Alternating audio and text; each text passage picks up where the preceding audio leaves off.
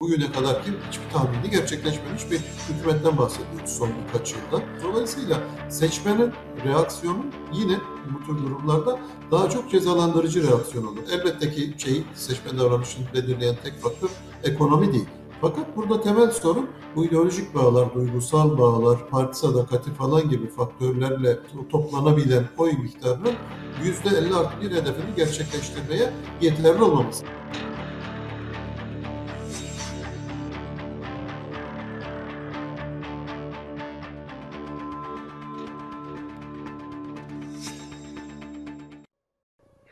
Seçim günlüğünden herkese merhaba. Her hafta olduğu gibi siyaset gündemini İbrahim Uslu ile değerlendireceğiz. İbrahim Bey hoş geldiniz. Hoş bulduk, kolay gelsin. Sağ olun.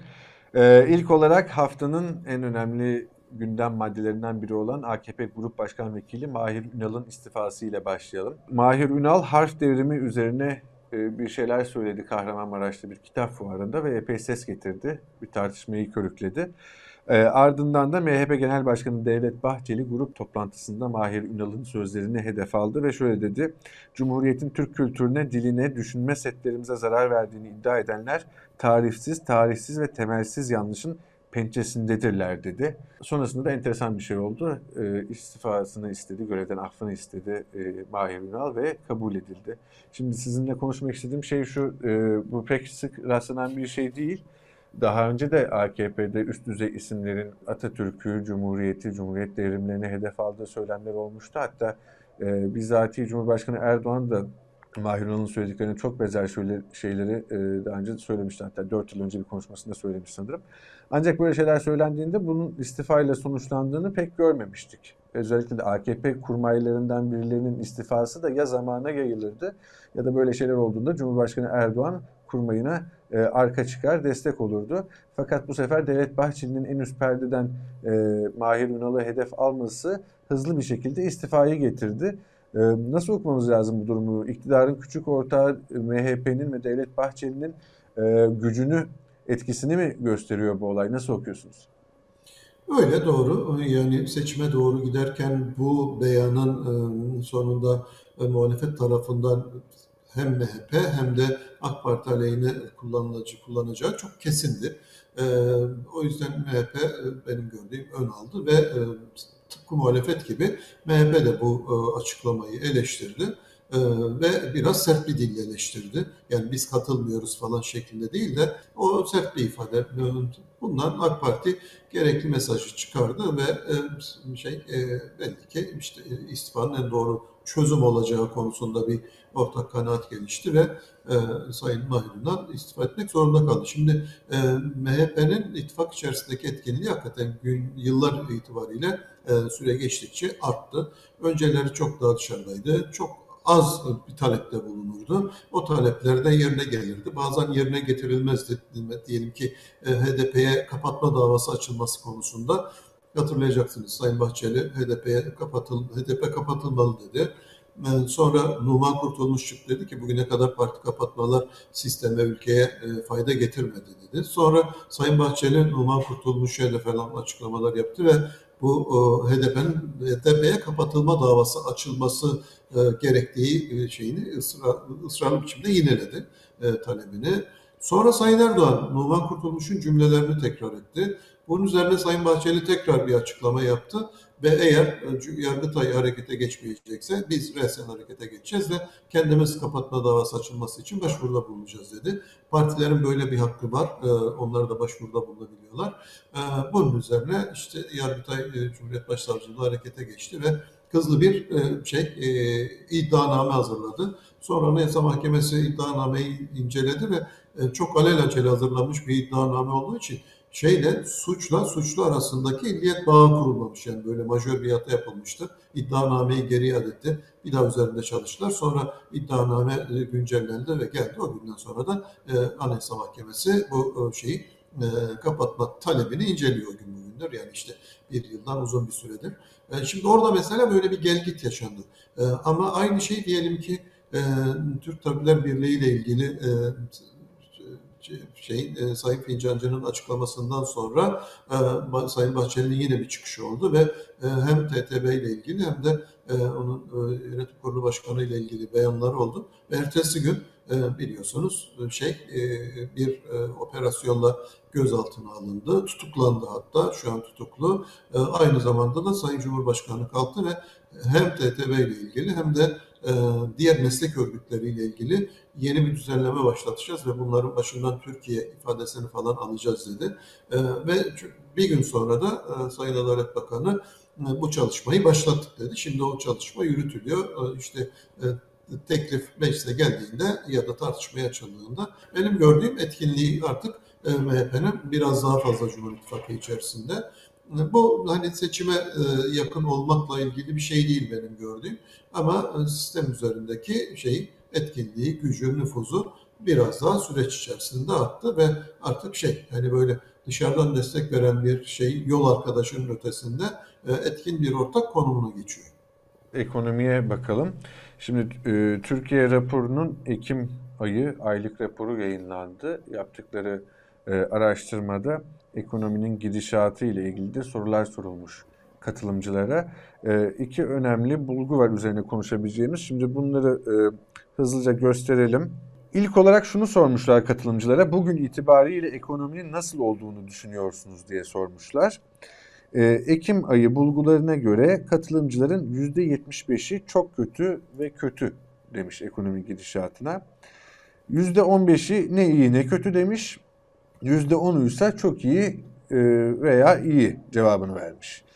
E, şimdi burada asıl enteresan olan bulgu şu.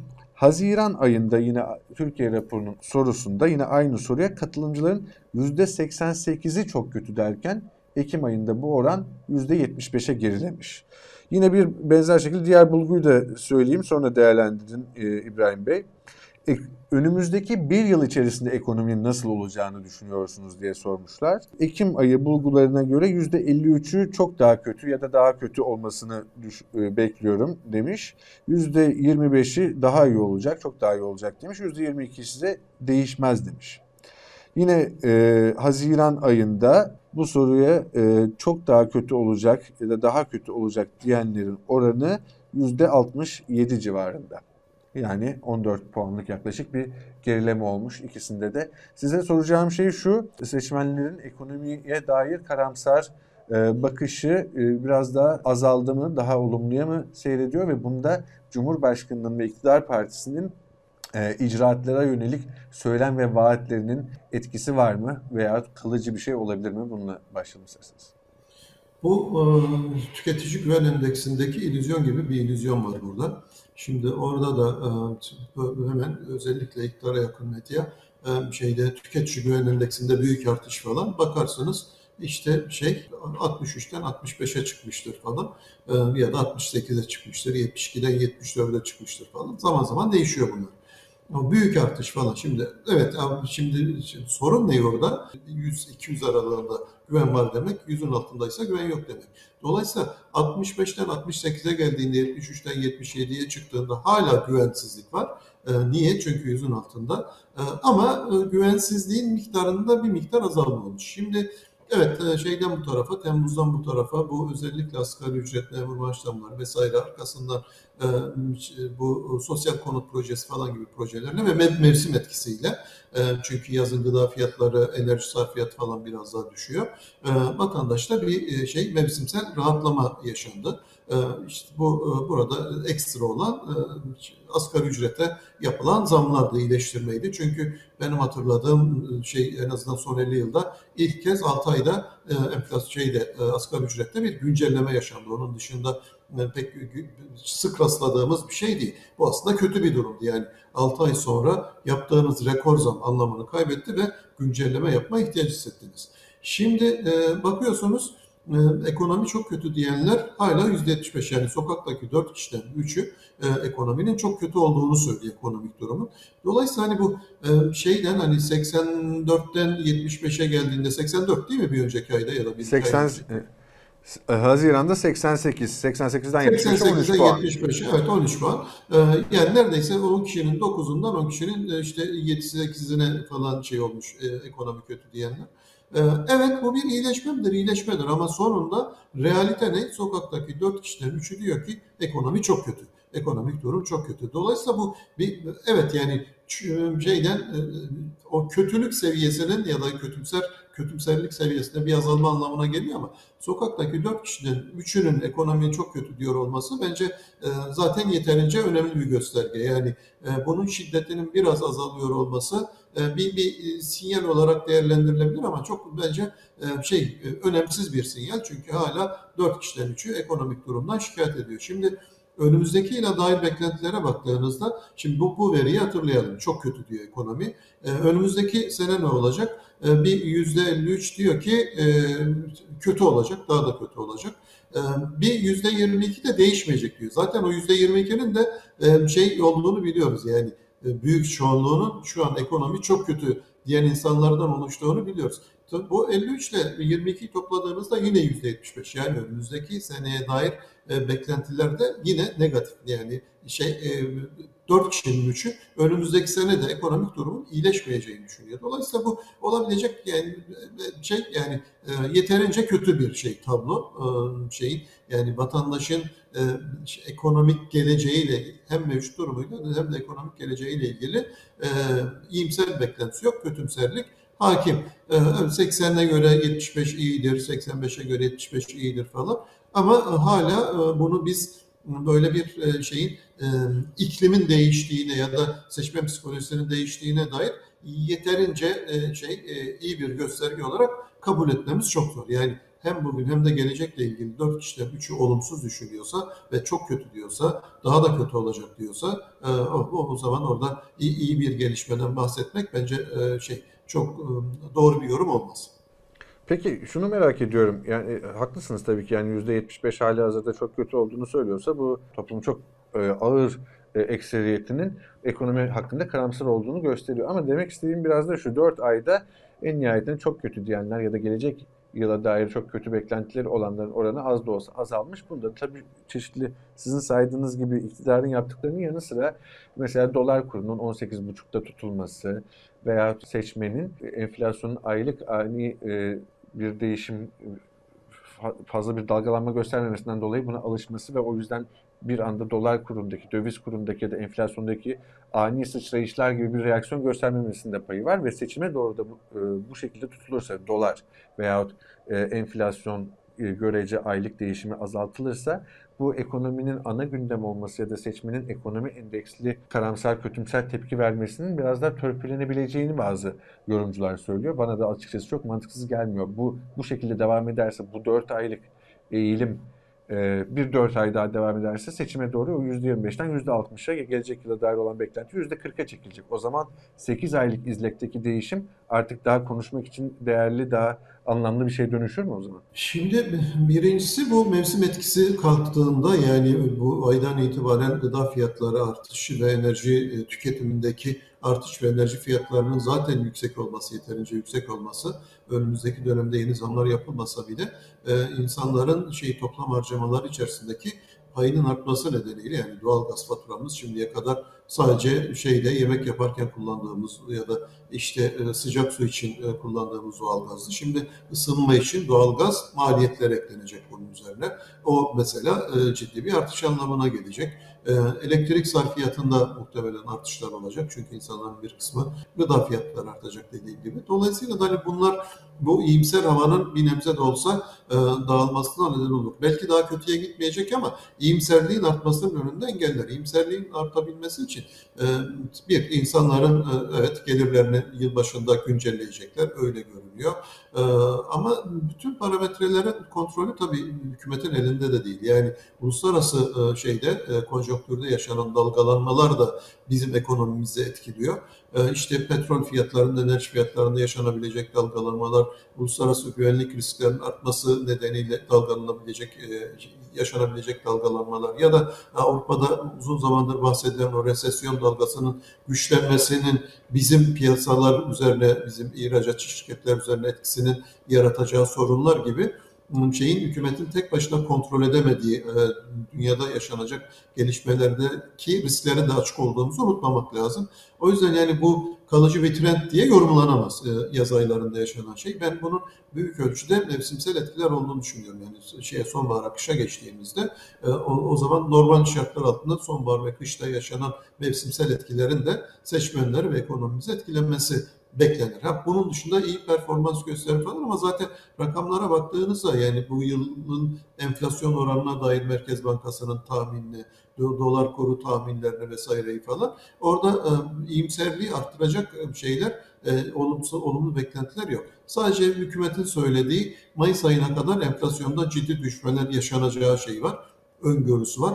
O ne ölçüde gerçekleşecek onu tabii kestirmek imkansız. Çünkü e, bugüne kadar ki hiçbir tahmini gerçekleşmemiş bir hükümetten bahsediyoruz son birkaç yılda. E, yani işte e, dolar kurunun 10 lira olacağını tahmin edip bütçe yaparken yıl sonu için daha bütçe bitmeden dolar kuru 18'e gelmişti falan hatırlayın yani.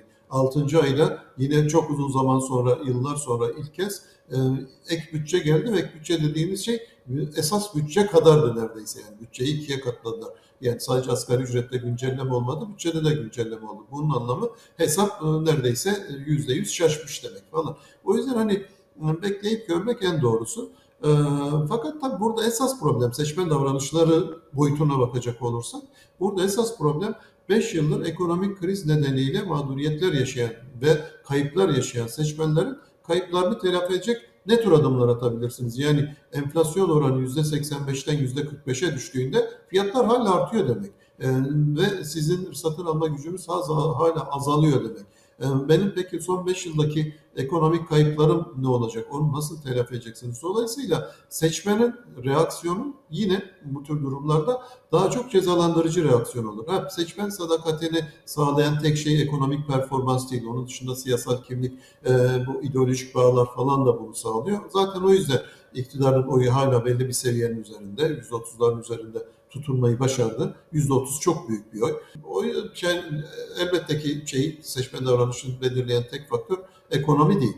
Fakat burada temel sorun bu ideolojik bağlar, duygusal bağlar, e, parti sadakati falan gibi faktörlerle e, toplanabilen oy miktarının %50 artı bir hedefini gerçekleştirmeye yeterli olmaması en azından şu ana kadarki gözlemlerimiz bu ideolojik bağların ya da ideolojik e, faktörlerin %50 artı bir oy e, üretmediğini e, gözlem şey e, biliyoruz artık.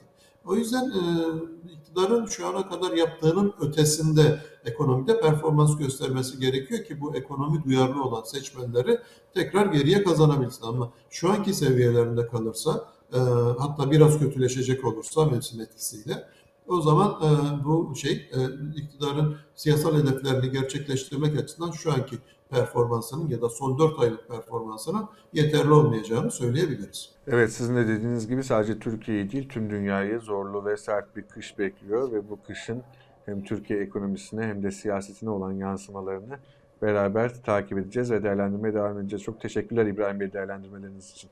Ben teşekkür ediyorum. Hoşçakalın.